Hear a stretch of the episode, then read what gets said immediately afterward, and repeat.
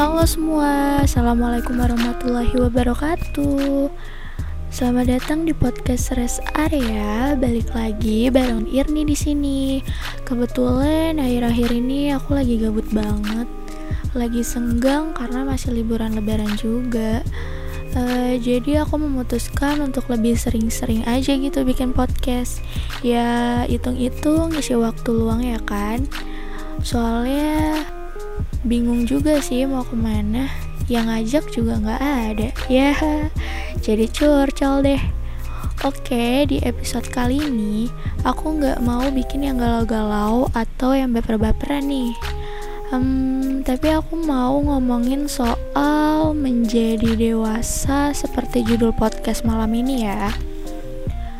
Ngomongin arti kedewasaan, apa sih arti kedewasaan yang sebenarnya? Um, aku selalu disebut kekanak-kanakan oleh teman-temanku and my own mom. Well whatever. People might judge we can stop that. Ya kan?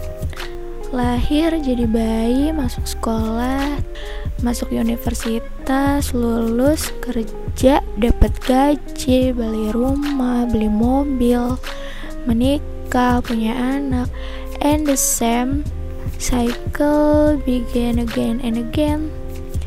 Oke, okay, start dari part kerja, dapat gaji hingga menikah lalu punya anak.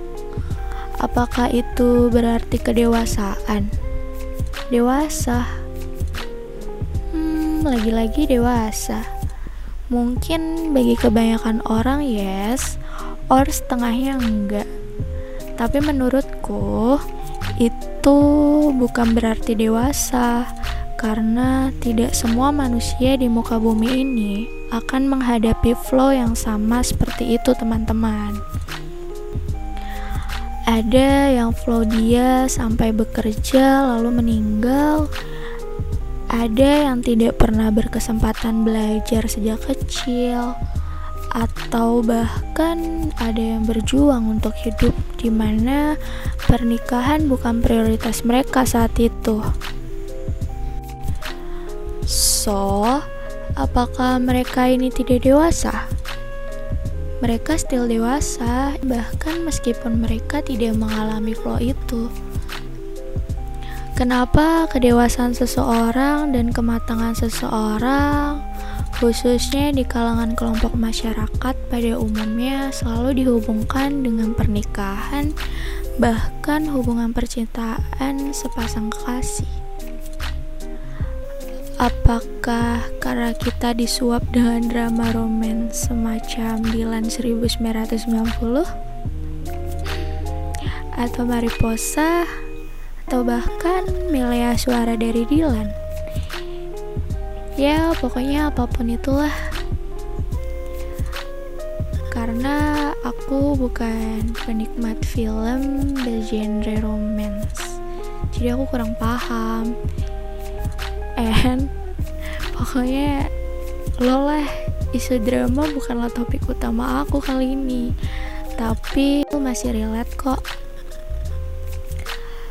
Aku suka berpikir um, tentang statement ini. Oke. Okay. Adakah dengan mempunyai hubungan cinta dengan pasangan pilihan kita membuktikan bahwa kita sudah dewasa? Adakah alasan kita pandai mengungkapkan perasaan kita, membangun hubungan, dan saling percaya? Tidak bisakah kita membangun hubungan dan kepercayaan dengan orang tua kita sendiri sebelumnya, atau dengan teman-teman kita?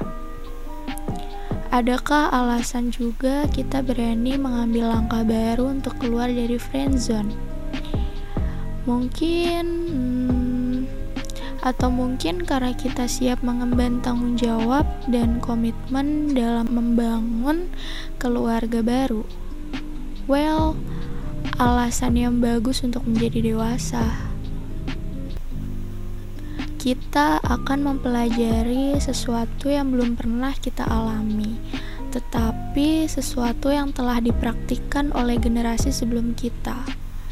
Selain itu, Adakah alasan kita melakukan hubungan seks melalui pernikahan, kemudian kita merasa lebih dewasa, and kemudian bisa melahirkan anak?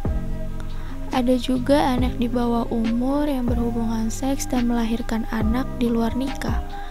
Apakah mereka juga sudah dewasa?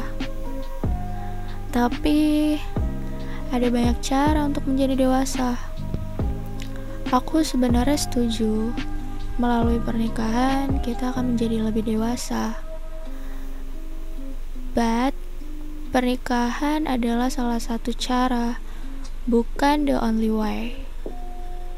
Even anak-anak pun ada yang lebih dewasa dari orang tua yang sudah memiliki anak. Mungkin anak itu mengalami pengalaman yang tragis dan memaksanya untuk menjadi dewasa sejak usianya. Pasti ada dari teman-teman yang bilang, Irni tidak ada pikiran menikah. Jawabanku, ya gak ada lah.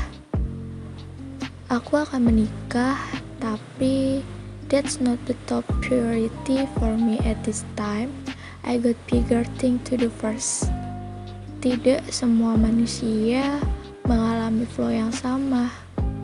Ingat, dan tidak semua manusia perlu memaksakan diri untuk melalui flow itu.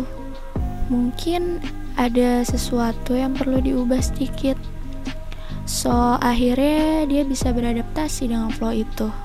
And I'm one of the human who not really attack to that system flow. Bagaimanapun, kedewasaan itu subjektif. There is a child in every adult. Even mama dan papaku selalu bilang, "Kakak belajarlah menjadi dewasa." Setiap saat mereka melihatku menonton film kartun Grave of the Fireflies karya studio Ghibli tahun 1988 Mungkin image kartun itu membuatnya khawatir karena aku masih bersikap seperti anak-anak. Meski filmnya lebih berat dari Dylan 1990, Mariposa maupun Melea Suara dari Dylan. Karena film ini bercerita tentang pemboman Amerika atas Hiroshima dan Nagasaki di Jepang. Well, childish kan movie ini. ya, orang-orang akan melihat aku dengan aneh dan menggelengkan kepala ketika aku menonton film Laskar Pelangi di mana karakter dalam film tersebut semuanya adalah anak-anak di bawah 12 tahun. Uh, film ini berkisah tentang semangat ingin belajar yang tinggi yang diperlihatkan oleh anak laki-laki yang malang dan ada fasilitas pendidikan yang layak setelah era penjajahan Inggris di daerah tersebut. Ya, yeah, childish kan? And aku pernah melihat tingkah orang-orang yang dulu mengecap aku kekanak-kanakan pun bertingkah kekanak-kanakan tanpa ada yang menyadarinya. But I'm sorry if I was wrong. Oops. I'm being a judgmental no. Bagiku, statement yang salah ini yang tua dihormati, yang muda dicintai. Haruslah yang tua dihormati, yang muda juga dihormati. Why? kita suka attack to this theory ketika orang yang lebih tua itu membuat kesalahan semua orang diam jika orang tua melakukan kesalahan pada orang muda jangan harap dia akan meminta maaf sebab apa? Sebab I'm the oldest I don't have to apology to earn respect you should learn to respect first right or no ya pokoknya tidak akan jatuh ego jika kita meminta maaf kepada yang muda.